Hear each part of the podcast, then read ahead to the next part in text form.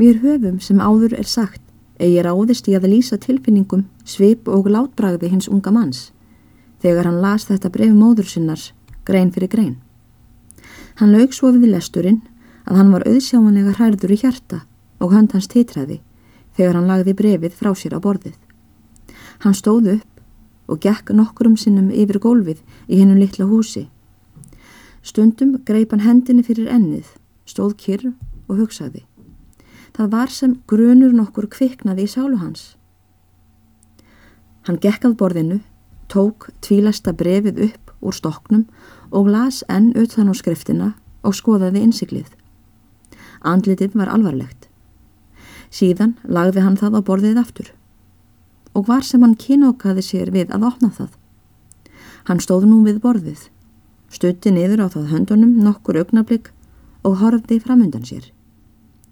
Allt í einu tók hann til sín þreg, settist skjótleika niður og skar upp leindarmálsbrifið og tók að lesa það með hugrökkum sveip og augnaráði. Hann las hægt og hægt með sjálfum sér og var lengi að lesa. Framan af lestrinum var að sjá sem tilfinningar hans var í nokkurt veginn rólegar. Allt í einu reyð efnið hann auðsjáanlega. Andletsöðavarnir drógust saman. Höndin er hjælt á brefinu, skalf og ásjónan síndist byrja vottum hrigð samfara reyði. Við og við hristi hann höfuðið. Annað veifið aftur let hann í ljós megna undrun og leitt þá augunum af brefinu og hugliti. Þegar lengra sótti fram í var að sjá sem meðumkunnar tilfinning er því ráðandi í brjósti hans.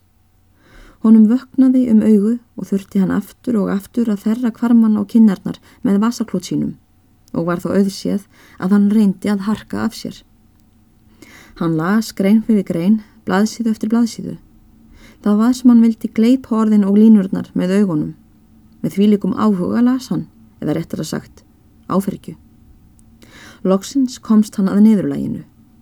Adalsteinn var komin í mikla hræringu hið innra. Hann lagði brefið að borðið er hann hafði lókjöð lestrinum og stóð upp mjög þungbúin á svipin.